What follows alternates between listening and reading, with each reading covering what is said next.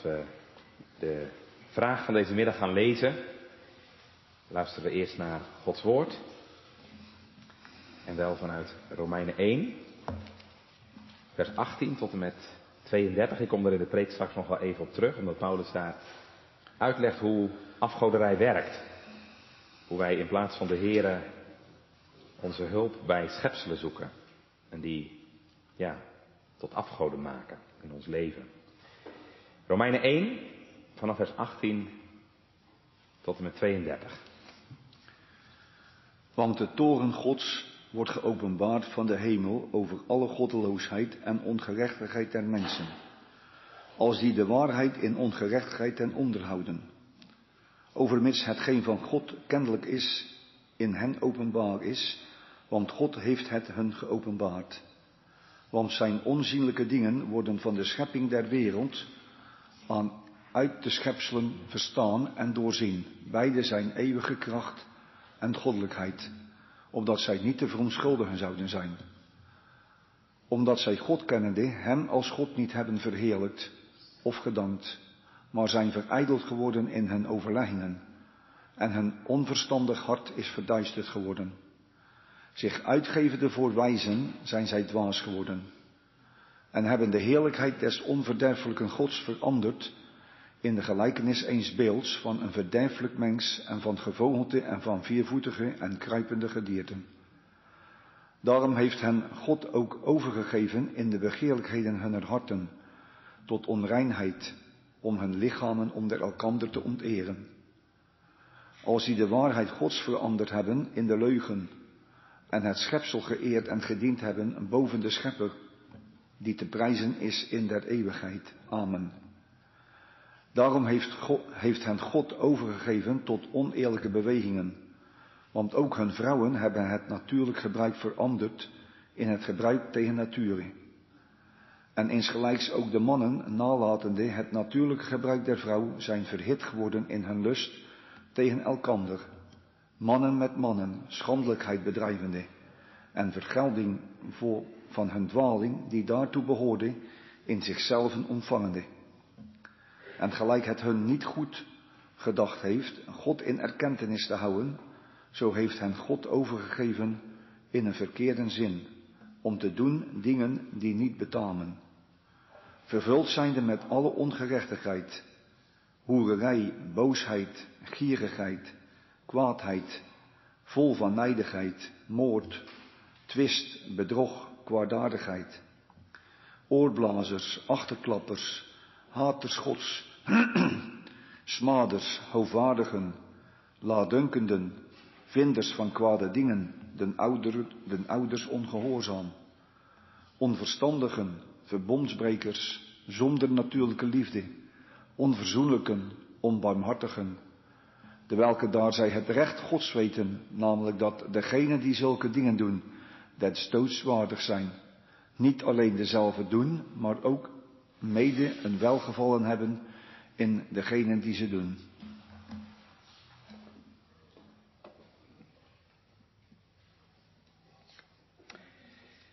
Gemeente, jongens en meisjes. Heb je wel eens een godenwinkel gezien? Ja, zeg je, wat is dat nou weer? Een godenwinkel. Nou, precies zoals ik het zeg. Een winkel waar je goden kunt kopen. Ja, nou denk je misschien, daar heb ik nog nooit van gehoord. Snoepwinkel. Boekwinkel. Maar een godenwinkel. Bestaan die dan? Ja, echt? Toen dominee Spurgeon eens een keer in Italië op vakantie was, bracht hij daar een bezoek aan Pompeii. Ik weet niet of je er wel eens van gehoord hebt van Pompeii, maar Pompeii was een stad in Italië die heel lang geleden, van het een op het andere moment, bedolven is door een vulkaanuitbarsting. Nou, archeologen hebben dat allemaal uh, weer opgegraven. En het bijzondere is, je kunt er trouwens nog steeds naartoe, als je in Italië bent. dat die stad er nog precies zo uitzag als toen die vulkaanuitbarsting plaatsvond. Huizen, winkels. En dus ook die godenwinkel. Daar kon je dus allemaal goden kopen. beelden van goden die je dan mee kon nemen naar huis. En toen dominee Spurgeon daar zo eens een poosje naar stond te kijken, zag hij iets aparts. Hij zag namelijk dat veel van die beelden namelijk geen gezicht hadden. Waarom is dat nou? Na een poosje zag hij waarom. Je kon namelijk, als je zo'n beeldje kocht, er zelf een gezicht op laten schilderen. Sommige mensen kozen voor een uh, blij gezicht. Anderen voor een heel serieus, ernstig gezicht. Maar je kon dus zelf kiezen wat voor God je wilde hebben. Ja, dan moeten wij misschien een beetje lachen als wij dat horen. Maar gemeente, toen ik erover nadacht, is dat natuurlijk eigenlijk helemaal niet om te lachen. Want wat Spurgeon in Pompeii zag, gebeurt volgens mij nog steeds. Ook door mij, en door jou, en door u. Net als die mensen in Pompeii maken wij zelf onze goden. We kiezen ze zelf uit. Um, bij de een ziet hij eruit als een uh, telefoon. En bij een ander neemt hij de vorm aan van duiven. Of voetbal. Of uh, euroteken. Maar het ergste is nog gemeente, we eren ze in plaats van de Heer. En dat gebeurt zo vaak en dat is ook zo erg, dat het goed is om daar vanmiddag nog een keer bij stil te staan. Ik neem gemeente vanmiddag mijn uitgangspunt in vraag 95 van de Heidelberger Catechisme. Vraag 94 hebben we vorige keer uitvoerig behandeld. Ik wil nu nog één keer stilstaan bij vraag 95. Korte vraag en antwoord. Vraag 95. Wat is afgoderij? Antwoord. Afgoderij is in plaats van de enige ware God die zich in zijn woord geopenbaard heeft, of naast hem iets anders verzinnen of hebben waarop de mens zijn vertrouwen stelt. Nou, wij gaan vanmiddag nadenken over die vraag, wat is afgoderij? Aan de hand van vier aandachtspunten. We kijken in de eerste plaats hoe afgoderij ontstaat. Ik heb er vorige keer al iets over gezegd, maar ik wil er nog even iets uitbreiden. Hoe afgoderij ontstaat. In de tweede plaats letten we erop hoe afgoderij zich manifesteert. Dus wat voor vorm het aanneemt. In de derde plaats hoe afgoderij ons verwoest. En tenslotte, en dat is natuurlijk het belangrijkste, hoe God geeft wat de afgoden je nooit kunnen geven. Ja? Dus hoe afgoderij ontstaat, hoe afgoderij zich manifesteert, hoe afgoderij ons verwoest en hoe de Heer je geeft wat de afgoden je nooit kunnen geven. Gemeente, hij begon zo goed. Toen de Heer hem op een nacht vroeg, wat wil je hebben? Vroeg hij niet om geld, macht, vrouwen.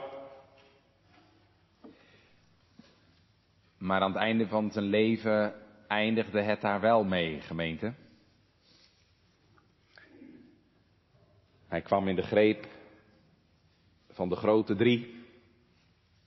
Geld, macht en seks.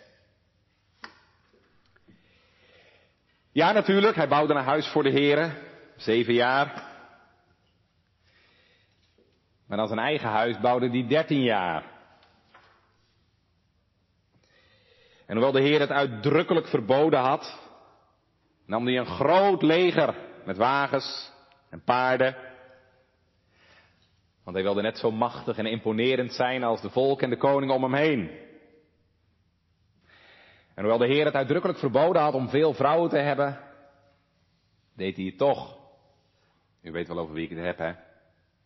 Salomo. Ik vind het altijd een van de meest schokkende geschiedenissen in de Bijbel. iemand die zo goed begon, zo wijs was en zo eindigde. Hoe kwam het, gemeente? Hij kwam in de greep van de afgoden. Geld, macht en seks. En dan eindigt het ermee, gemeente, dat hij buigt. Letterlijk, hè? Letterlijk door de knieën gaat. Voor beelden van hout en steen. Een verbondskind. Opgegroeid met de Bijbel. Godvrezende vader. Kan dat? Ja, blijkbaar. En lieve gemeente, als het met hem kon gebeuren, opgegroeid met de Bijbel, een verbondskind, een godvrezende vader en moeder, waarom niet met mij, met jou, met u? En daarom gemeente moeten we vanmiddag heel goed opletten. Want het is heel eenvoudig, ik kan de hele preek in één, één zin samenvatten. Of jij breekt met de afgoden, of de afgoden breken jou. Ja? Of u breekt met de afgoden, of de afgoden breken u. Ik wil vanmiddag gemeente nog een keer stilstaan bij het eerste gebod. Je zegt, ja, dat heb ik twee weken geleden ook al gedaan. Was dat niet genoeg dan? Dit is zo belangrijk, gemeente, dat het goed is om het nog een keer te doen. Weet u nog dat ik twee weken geleden zei, hè? De, reden dat dit het eerste gebod is, u zult geen andere goden voor mijn aangezicht hebben, laat zien dat dit het belangrijkste gebod is. En dat er voor God dus blijkbaar hier heel veel op het spel staat. En gemeente, laten we maar eerlijk zijn, afgoden dienen, hè, iets anders hebben dan God waar je je vertrouwen op stelt, is werkelijk een van onze oerzonden. Er is echt geen zonde waar wij ons zo vaak en zo makkelijk aan bezondigen als deze zonde. Calvijn zei het al, ons hart is een fabriek van alle afgoden. Een fabriek van alle afgoden. En denk je nou ja, heb ik niet zo'n last van, dominee. Nou dan hoop ik alsjeblieft dat deze preek je vanmiddag wakker schudt. Want echt waar gemeente, er is geen zonde die jij en ik zo vaak bedrijven als deze zonde. En er is ook geen zonde die de Heer zozeer vertoont als deze zonde. En er is geen zonde, ik zeg het nogmaals, die ehm, zulke verwoestende gevolgen heeft voor tijd en eeuwigheid als deze zonde. Dat je op iets of iemand anders je betrouwen stelt dan de levende God. En daarom gaat deze preek ons dus allemaal aan vanmiddag. 95, vraag 95 is ons uitgangspunt. Vier aandachtspunten zei ik hè. We gaan kijken hoe ontstaat afgoderij. We letten erop hoe afgoderij zich manifesteert. Hoe afgoderij ons verwoest.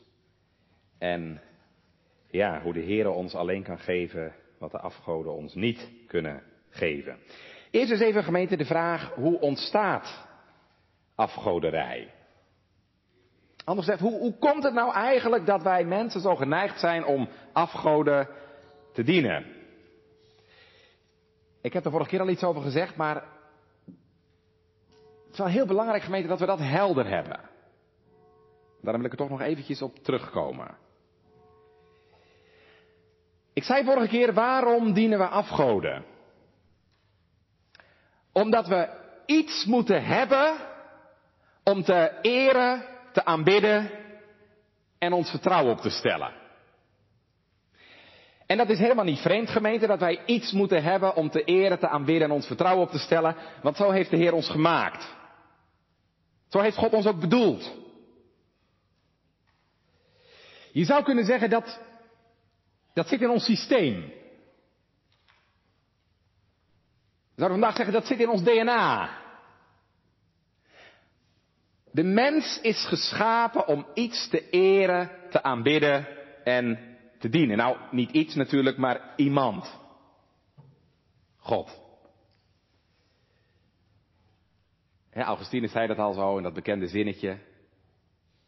Gij hebt ons gemaakt voor u.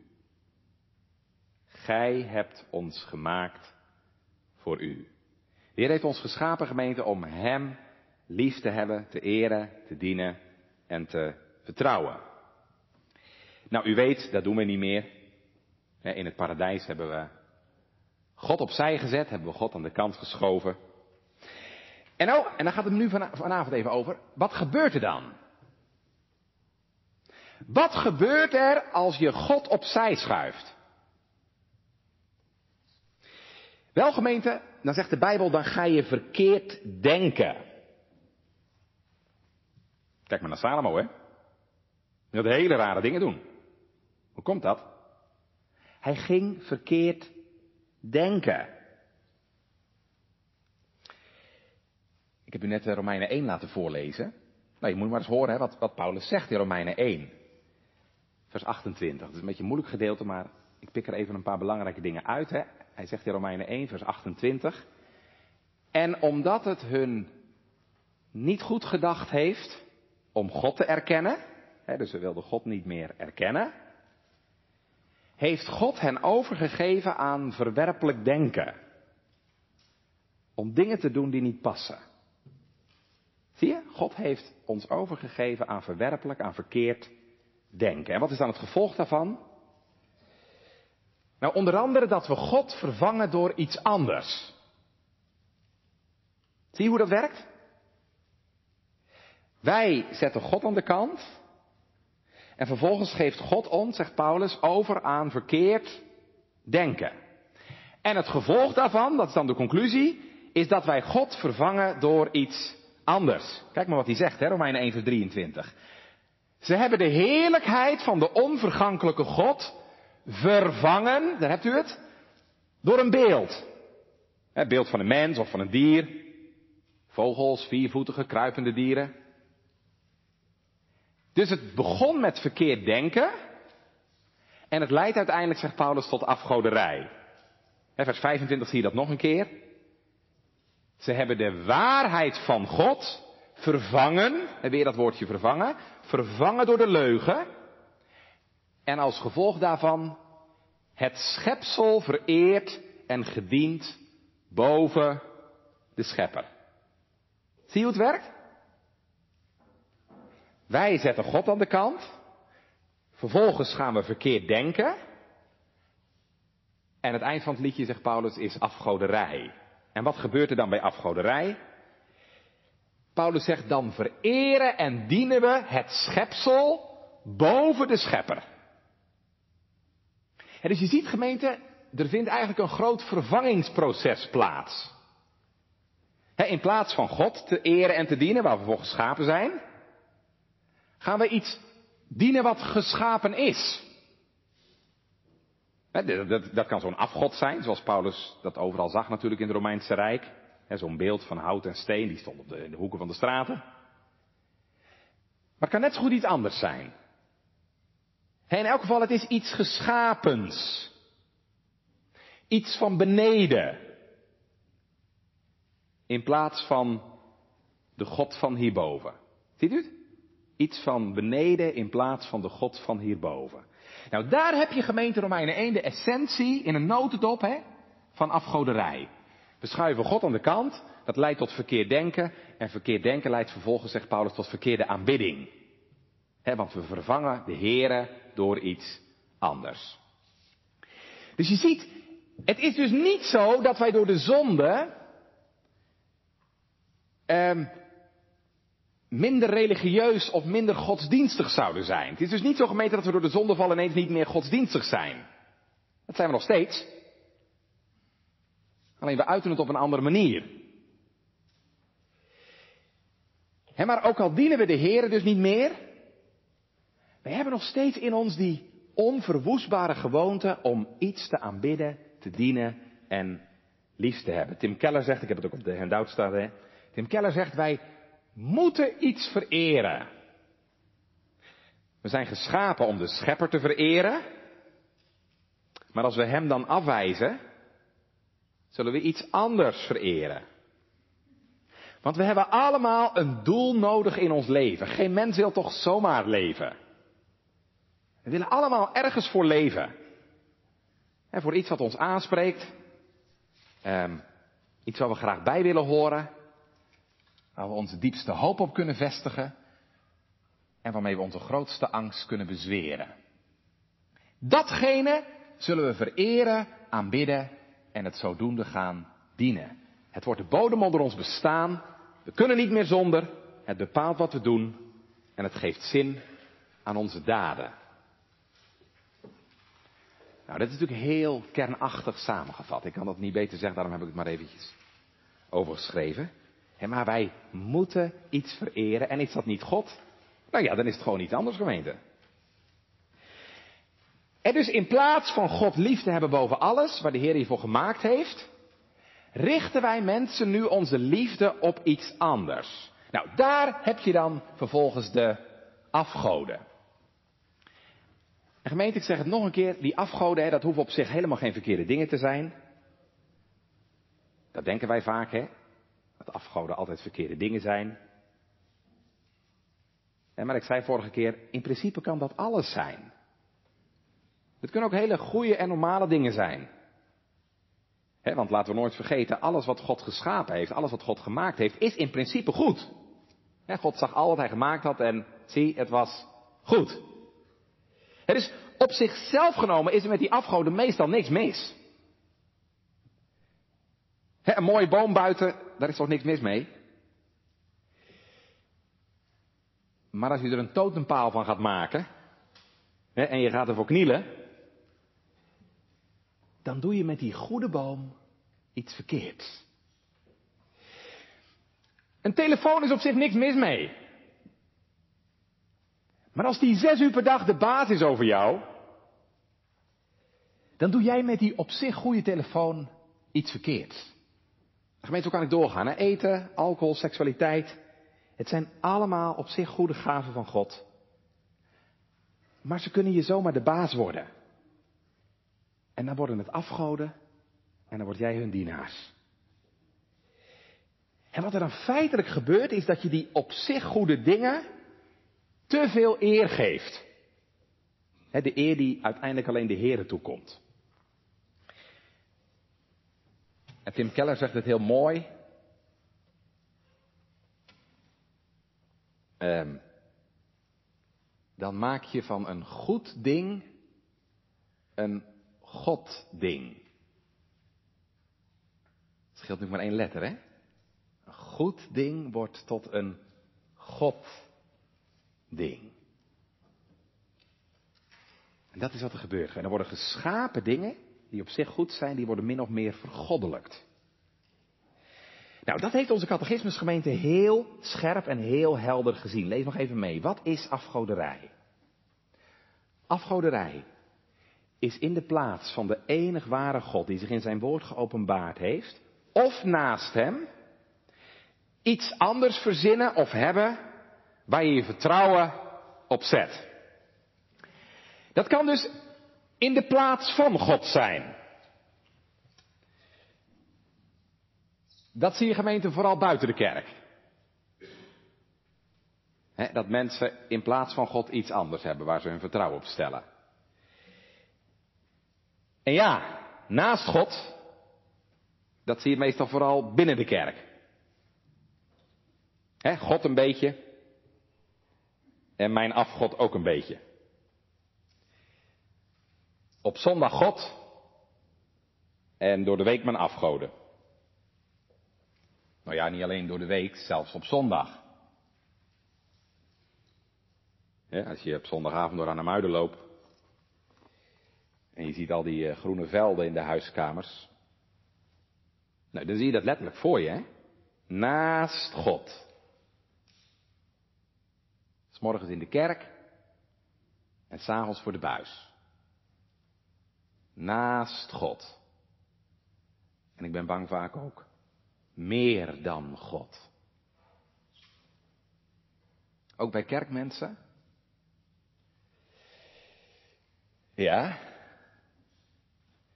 Je moet het kerkbezoek maar eens zien als Nederland op zondagavond in de halve of in de hele finale staat. Dan zie je het. Niet alleen dus naast God, maar ook meer dan God. En ga nou niet zeggen dat het niet zo is, want echt gemeente, de feiten spreken voor zich. Het is natuurlijk ook een soort religie, hè? Toch?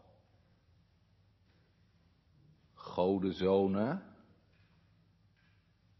aanbidding, waves, luidkeelse lofprijzing. Ik heb er zelf tussen gezeten, dus ik weet hoe het werkt.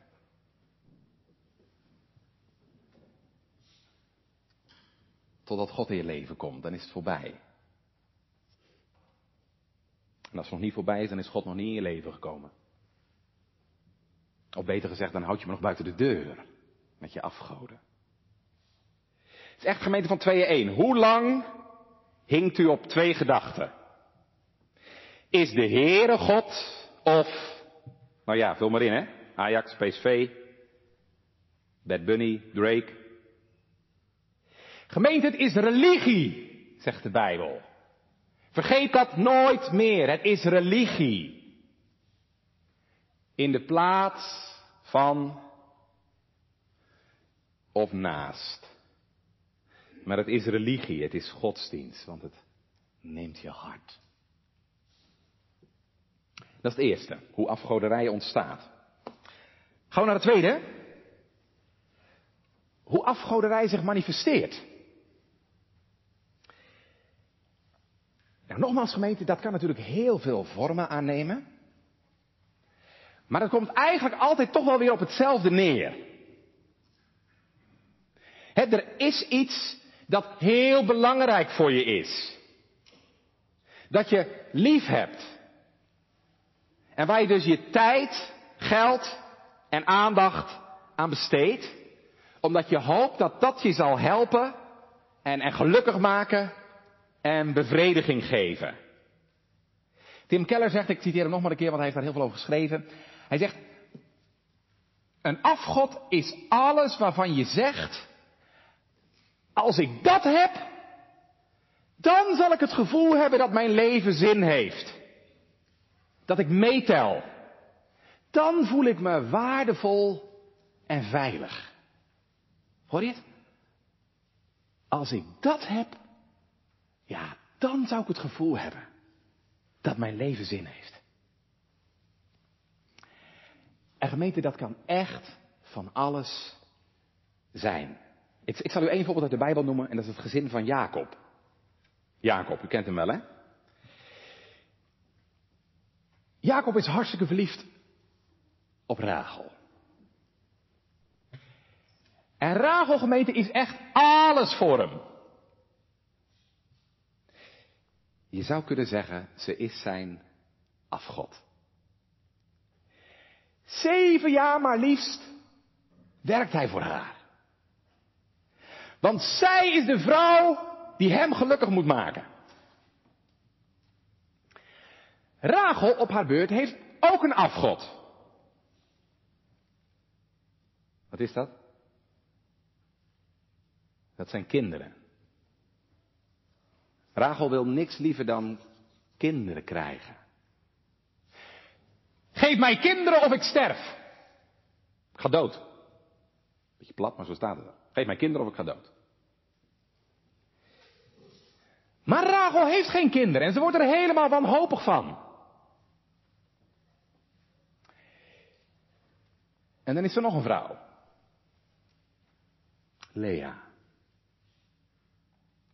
En weet een vrouw met een heel moeilijk leven, wat moet die een zwaar leven hebben gehad? want Jacob ziet haar helemaal niet. Die heeft alleen maar oog voor Rachel.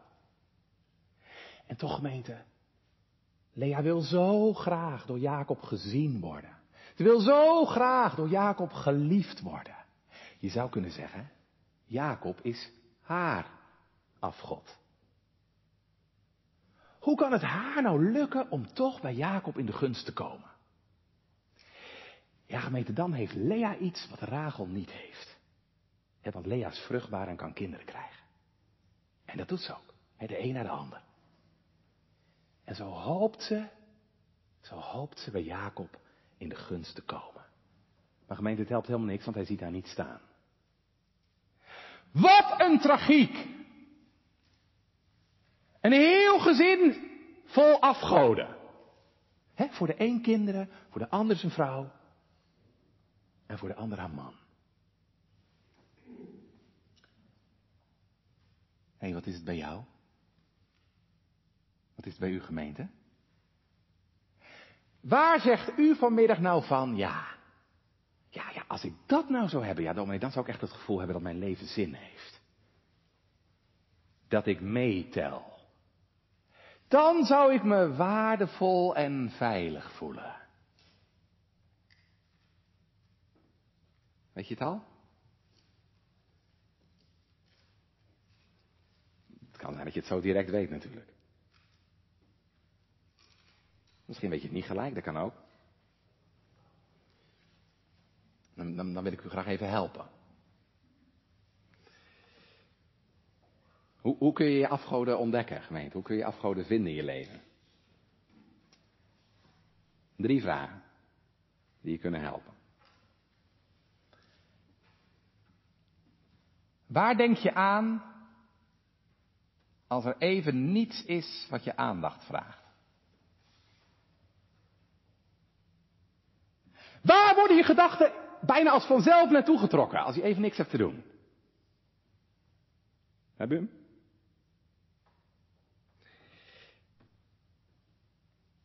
Nog eentje.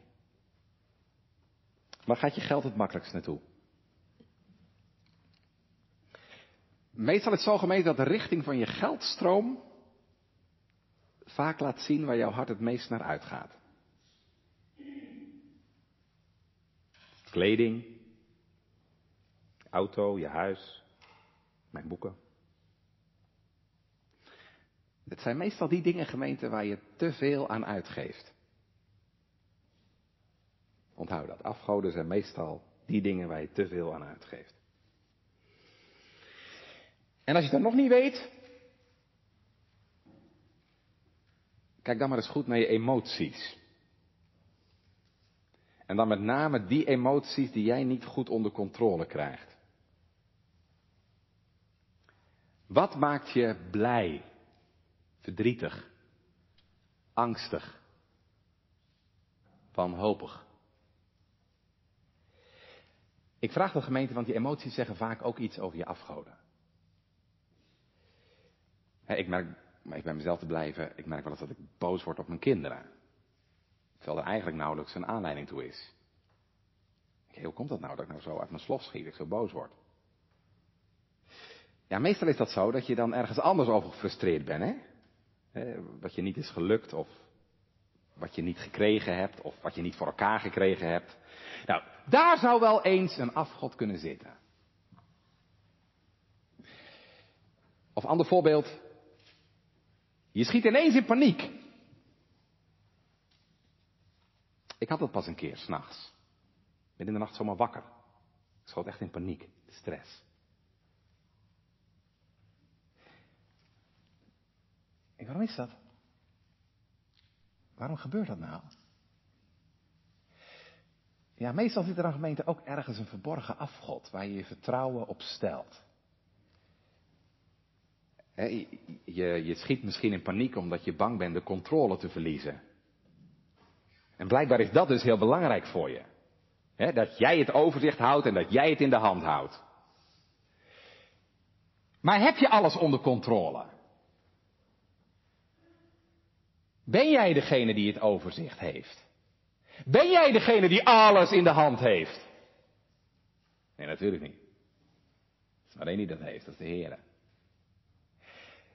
Zie je gemeente, je gevoelens en emoties leggen vaak ook heel veel bloot. En daar zie je aan dat het dus niet altijd heel makkelijk is om je afgoden op het spoor te komen. Die afgoden zitten soms heel diep. Die zie je niet gelijk. Kijk, geld, seks en macht en voetbal en noem allemaal maar op, hè, dat is allemaal wel duidelijk. Maar er zitten in ons leven ook afgoden die, die veel dieper zitten.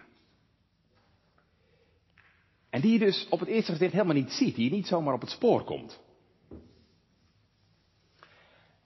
En ik ga er vanmiddag even twee noemen, die u vast wel herkent.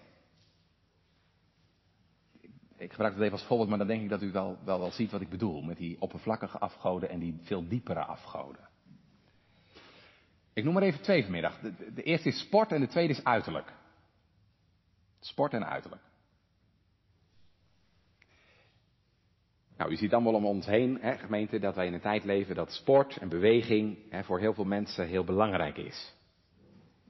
als je buiten komt, wordt je soms bijna omvergelopen door de hardlopers of omvergefietst door de wielrenners. Nou, natuurlijk hè, is er met, met sport, met beweging op zich niks mis. Maar ik denk dat je vandaag wel je af kunt vragen, zou er misschien ook niet een afgodisch trekje in kunnen zitten? Want stel jezelf eens de vraag, waarom is sporten en beweging dan zo belangrijk voor je? Wat zit daarachter?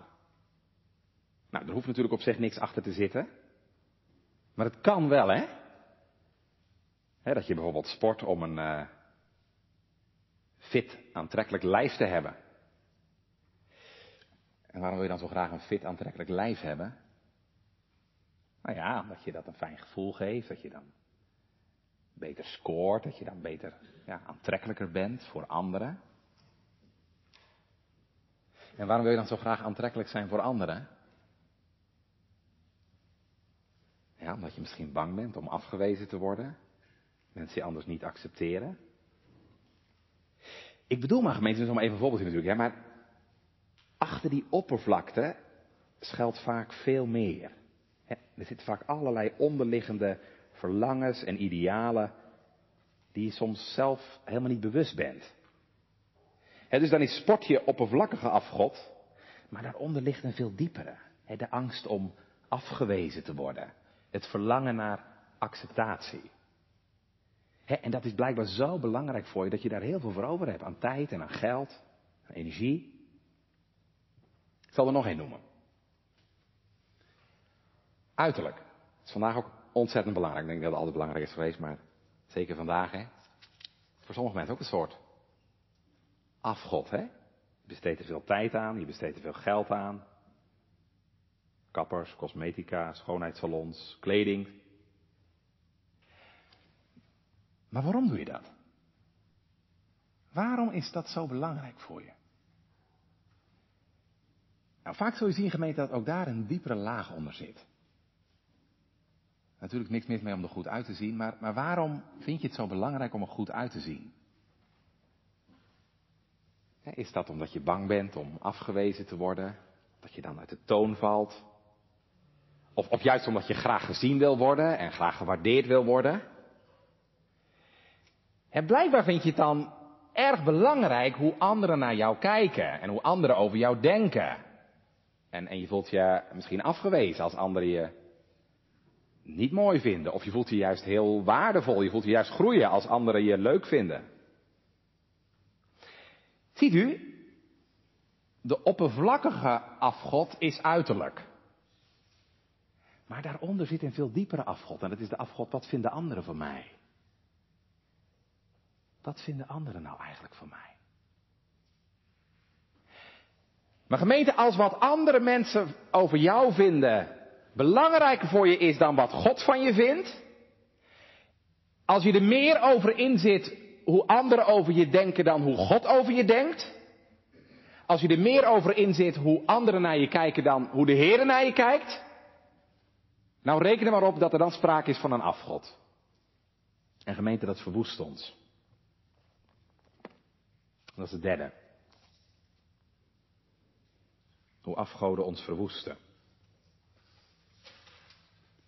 Ik wil u er heel erg tegen waarschuwen vanmiddag, gemeente. Want afgoden zijn ontzettend gemeen. Afgoden zijn heel gemeen. Weet je wat ze doen?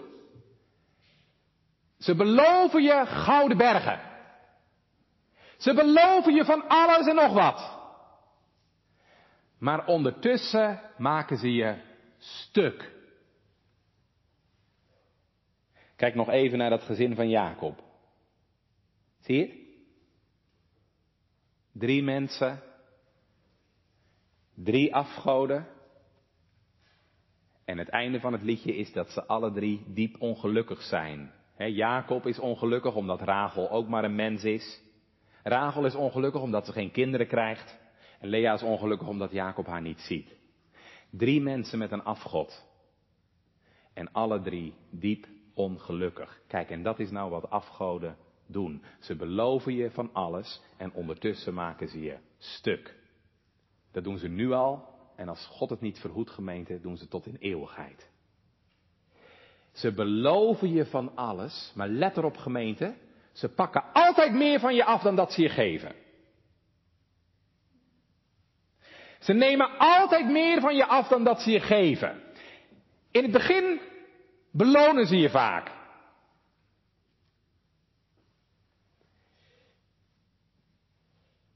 Nicotine geeft een kick. Ja, je ziet het letterlijk, hè? Maar het maakt je longen kapot. In het begin belonen ze je. Maar ze zijn net gemeen, gemeente als die gemene spin. die met een lekker zoet stofje de onwetende insecten in zijn web lokt. En als hij ze heeft, hè, dan zuigt hij ze leeg. Daar kun je ze aan herkennen. Ze geven je even, even een gevoel van voldoening. Maar dan komt de kater. Soms letterlijk. Weet je nog wat ik zei vorige keer over pornografie? Pornografie bevredigt even je lustgevoel. Maar dan voel je je leeg. En je wil weer. En je wil meer. En als mensen jou bewonderen om je gaven, je talenten, je uiterlijk, ja, dat kan natuurlijk enorme voldoening geven.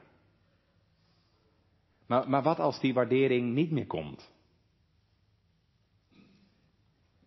Omdat je schoonheid vergaat, je lijf ouder wordt en je haren grijs. Ik krijg ook de eerste grijze, zag ik. Wat dan? Goeie baan. Mooi bedrijf. Prachtig. Maar gemeente, hoe makkelijk kan het niet een afgod worden? Die je weliswaar heel veel geeft. Geld, status, aanzien. Maar die nog meer van je neemt. Soms je gezondheid. Ik heb dat wel eens al vaker opgevallen. En dan worden mensen 65 en ze stoppen, gaan we pensioen. En soms zomaar een paar maanden later zijn ze er niet meer. Hartfalen of wat dan ook. Ze geven je heel veel. Maar ze pakken ook heel veel van je af. Je gezondheid. Je huwelijk je gezin. Die afgouden gemeente, en dat is heel gemeen, hè, maar die gaan steeds meer, die gaan steeds meer controle over je uitoefenen. En het gevolg is, je wordt er steeds meer een slaaf van.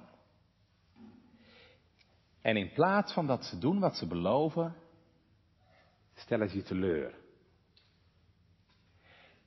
En mijn hart blijft leeg, onvervuld en onverzadigd. En gemeente, dat kan ook niet anders. Want weet u, er is niets op aarde wat uw hart kan verzadigen dan God in Christus alleen. Weet u nog wat Augustinus zei? Wij zijn gemaakt voor God. Wij zijn gemaakt voor God. En ja, je kunt een LP wel in een CD-speler duwen of zo, maar dat, dat gaat gewoon niet lukken. Daar is hij niet voor gemaakt. En zo is het met ons ook.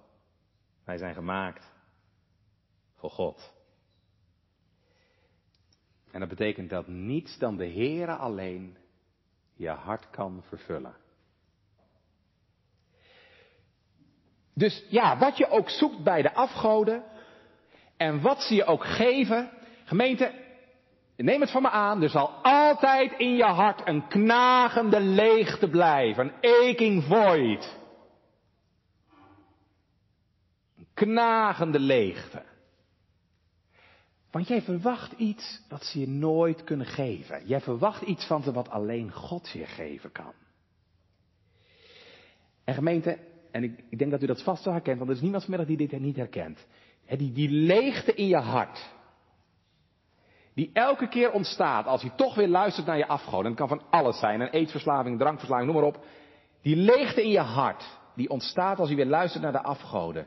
Die leegte in ons hart, gemeente, die is een reminder. Dat is een reminder van God. Die leegte in je hart, die telkens weer terugkeert, dat is als het ware gemeente een stil stemmetje. Een stil stemmetje dat zegt, wat jij zoekt is hier niet te vinden. Ik heb jaren geleden bij C.S. Lewis een stukje gelezen wat ik nooit vergeten ben, omdat het me diep raakte. En ik weet het, Lewis is wel niet helemaal een gereformeerd christen, maar je kunt wel heel veel van hem leren. En Lewis zegt, ik heb het op de handout staan, dus u kunt het eh, thuis nog eens over nadenken. Hij zegt, als ik in mijzelf een verlangen ontdek, een verlangen waarneem, dat zich door geen enkele ervaring in deze wereld laat bevredigen, dan is de meest waarschijnlijke verklaring dat ik voor een andere wereld ben gemaakt. Als er een verlangen in mijn hart is wat door niets en door niemand verzadigd kan worden gemeente, dan is dat een signaal. Jij bent voor een andere wereld gemaakt. Er zit een verlangen in ons hart gemeente wat zich door niets en niemand laat bevredigen. Niet door geld, niet door macht, niet door seks, door helemaal niets. Al zou je al die dingen hebben. Ja? En Salomo had het, hè? Maar moet prediker 1 maar eens lezen wat hij zegt. Ik had huizen, geld, vrouwen, etc. Maar mijn hart bleef leeg. Mijn hart bleef leeg. Dus al zou je al die dingen hebben, dan zou nog die knagende, schrijnende leegte in je hart blijven zitten. En ik geloof, gemeente, dat God dat wil gebruiken. Ik geloof dat God dat wil gebruiken. Bij hoeveel mensen zou de Heer dat gevoel al niet gebruikt hebben om hen op het spoor te brengen naar Hem? Mij althans wel. Een droefheid naar God, die een onberouwelijke bekering tot zaligheid werkt. En daarom, dan gaan we mee afsluiten, die leegte die afgoden veroorzaken, gemeente, dat is een appel dat is een appel om het niet te zoeken waar het niet te vinden is, maar om het juist te zoeken waar het wel te vinden is. En dan mag ik u vanmiddag zeggen. Alles wat de afgoden beloven, maar je niet kunnen geven, dat is werkelijk te vinden in de Here. De Heer Jezus zegt tegen de Samaritaanse vrouw, en die had ook haar geluk gezocht. In de ene relatie naar de andere. U weet het, hè, vijf mannen die je nu al gehad hebt, hier is het niet. Jezus zegt tegen haar, joh, als je drinkt van dit water, zul je weer dorsten. Maar wie drinkt van het water dat ik hem geven zal, zal nooit meer dorsten. In der eeuwigheid. Zie je? Christus heeft wat de afgoden niet hebben. En Christus geeft wat de afgoden je nooit kunnen geven. Leven, vrede, zekerheid, houvast, liefde, geborgenheid, echte hoop. Alles gemeente waar je hart zo naar verlangt. Maar wat de wereld je nooit geven kan en wat je in de wereld ook nooit vinden zult, dat geeft Hij. Want Hij zegt, wie tot mij komt, zal geen zins hongeren. En die in mij gelooft, zal nimmer meer dorsten. Christus alleen is het antwoord op de afgoden.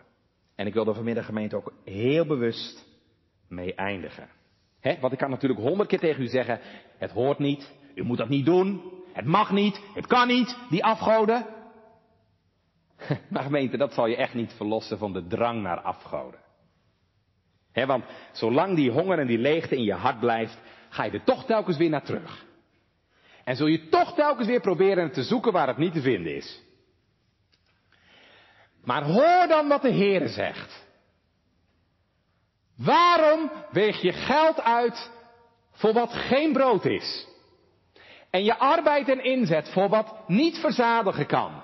Hoor aandachtig naar mij. En eet het goede. O alle gij dorstigen. Kom tot de wateren. En u die geen geld hebt, kom, koop en eet wijn en melk die ik bereid heb. En mijn vraag aan u is, hebt u dat al gedaan? Bent u al op die nodiging van de Here ingegaan? Of anders gezegd, gemeente, bent u al tot Christus gekomen? Heb jij die parel van grote waarde al gevonden? Heeft u die schat in de akker al ontdekt? Waarom vraag ik dat? Weet je wat er dan gebeurt, gemeente? Als je die parel van grote waarde mag zien en die schat in de akker mag vinden, dan is het heel eenvoudig, gemeente, dan verliest al het andere zijn waarde. Toen die man die schat in de akker gevonden had, wat lezen we dan? Hij verkocht alles wat hij had. En toen die koopman die parel zag, die parel van grote waarde, werden al zijn andere pareltjes als niets voor hem. Kijk, en zo gaat het nou ook gemeente als de Heere je ogen opent voor die parel van grote waarde. Dat is heel eenvoudig gemeente, dan verbleekt al het andere in je leven. Dan gaan de afgoden de deur uit. Soms letterlijk. Maar dat heeft geen waarde meer voor je. O gemeente, als de Heer in je leven je zicht gaat geven op die dierbare persoon van de Heer Jezus. Echt gemeente, dan ben je bereid om werkelijk alles schade en drek te achten. Om de uitnemendheid van de kennis van Christus. Hè, zoals dat lied zegt. Wat mij dierbaar was. Wat ik vinden wou. Dingen waar ik mij aan binden zou. Alles wat ik zocht. Kennis, macht of geld heeft geen waarde meer. Wat werkelijk telt, ik wil u kennen, Heer Jezus. Dat is mijn grootste schat. Ja, dan leeft het in je hart, gemeente. Weg wereld! Weg schatten! Gij kunt niet bevatten hoe rijk dat ik ben. Ik heb alles verloren, maar Jezus verkoren wiens eigen ik ben. Hoe is dat bij jou? Zeg het nou eens eerlijk, gemeente vanmiddag. Wat heeft nou de liefde van uw hart? He, want het is van tweeën één, hè? Het is van tweeën één. Het is of de Heer of de wereld. Want twee walletjes eten, dat gaat echt niet.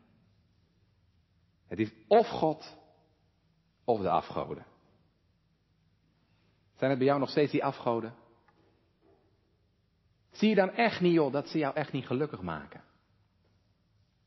Zie je dan niet, gemeente, merk je dan niet dat ze je steeds meer in de greep nemen en steeds meer verslaven? En steeds meer in je leven kapot maken? Is dat het hier aan waard? Oh, bid toch dat de Heer je hart verandert. Omdat je Hem gaat liefhebben boven alles. Want dat is ons probleem, hè? We hebben meer liefde voor de afgoden dan voor God. Maar als de Heer je hart verandert en zijn liefde in je hart uitstort. Gemeente, dan ga je er iets van ervaren wat Asaf zegt. En we gaan het straks zingen op Psalm 73. Dan ga je iets ervaren wat Asaf zegt. Wie heb ik naast u in de hemel? Naast u is er niets waar ik vreugde in vind. Kun je dat ook zeggen? Wie heb ik nevens u omhoog? Wat zou mijn hart, wat zou mijn oog op aarde nevens u toch lusten? Niets is er waar ik in kan rusten. Gemeente, u kunt niet God dienen en de mammon. Want het is heel eenvoudig, u zult of de een lief hebben en de ander haten, of je zult de ander haten en de ene lief hebben. En daarom, u weet wat Elia zei hè, tegen het volk. Ik zeg het vanmiddag ook tegen u en jou. Hink niet langer op twee gedachten. Hoe lang hinkt gij nog op twee gedachten? Hink niet langer op twee gedachten. Is de Heere God, dien dan Hem en zweer al je afgoden af. Ik kan u zeggen, daar zul je nooit spijt van krijgen. Weet je waar je wel spijt van krijgt? Afgoden volgen. Die je dorst nooit kunnen lessen. Die je dorst alleen maar groter maken en die ervoor zorgen dat je straks eeuwig dorst. Maar Christus zegt vanmiddag, ook tot jou en u. Wie drinkt van het water dat ik hem geven zal, zal nooit meer dorsten. En gemeente, echt, dat is het enige medicijn tegen afgoden. Komen tot Jezus en drinken van het water des levens. En dat blijft ook zo. He, want die afgoden, daar ben je nog niet zomaar vanaf. Ook niet na ontvangen genade. Het is niet voor niks dat apostel Johannes aan het eind van zijn brief zegt, kinderkens, dan heeft hij tegen gelovigen, kinderkens, bewaar uzelf voor de afgoden. En hoe doe je dat? Hoe bewaar je jezelf tegen de afgoden? Nou, ik zou zeggen, gemeente, ga er niet heel hard tegen vechten. Ga er niet heel hard tegen vechten, want het helpt meestal niet. Veel beter is, zie veel op de Heer. Want hoe meer je op de Heer Jezus mag zien, hoe meer je afgoden vanzelf verdwijnen. Verblijd u in de Heer, te alle tijd. En Jezus zegt, als die dorst weer komt, en die komt zo vaak weer terug, dat weet ik ook wel, als die dorst weer komt, indien iemand dorst, hij komen tot mij en drinken. Want wie drinkt van het water dat ik hem geven zal, zal nooit meer dorsten. Ja, maar dominee, is dat wel echt waar dan? Ik voel nog zo vaak dorst. Ik heb nog zo vaak dorst. Ik ook. Weet je hoe het komt? Dan ga je niet genoeg tot Jezus. Dan ga je niet genoeg tot Jezus. Het is waar dat we dorst hebben. Ook kinderen van God hebben dorst. Maar gemeente, vergeet het nooit. Dat ligt nooit aan Jezus. Dat ligt nooit aan Jezus. Dat ligt altijd aan mijzelf. Want dan drink je niet genoeg. Hij is het levende brood. Dat je honger verzadigt. En hij geeft steeds weer levend water. Dat je dorst lest. Maar daar moet je wel één ding voor doen. Het is niet moeilijk, maar je moet het wel doen. Moet je wel komen. Komen. Indien iemand dorst, hij komen tot mij en drinken. En als je dat doet, gemeente, dan mag je ervaren wat David zegt in Psalm 23. Mij ontbreekt niets. Ja, dat mogen Gods kinderen hier bij ogenblikken ervaren. Mij ontbreekt niets. En straks, gemeente, zal dat volkomen zijn. Wat een dag zal dat zijn. Je nooit meer de afgoden hoeft te dienen. Want die zijn daar niet meer. Dat je alleen nog maar de Heer mag dienen. Eeuwig Hem dienen. wat hier op aarde nog vaak zo slecht lukt. Omdat altijd maar weer die afgoden om de hoek komen kijken. Gemeente, dat is daar straks voorbij. Lees het maar in openbaringen. Ze dienen Hem. Dag en nacht. In zijn tempel. Dan mag je eeuwig doen. Dan mag je voor altijd doen. Waar je voor gemaakt bent. U al mijn liefde waardig schatten. Wel gij mijn rechterhand woudt vatten. eeuwig de Heere bedoelen. En eeuwig verzadigd zijn. Nooit meer die knagende leegte. Nooit meer die honger en dorst in je hart. Nee. Want zij zullen niet meer hongeren, nog dorsten.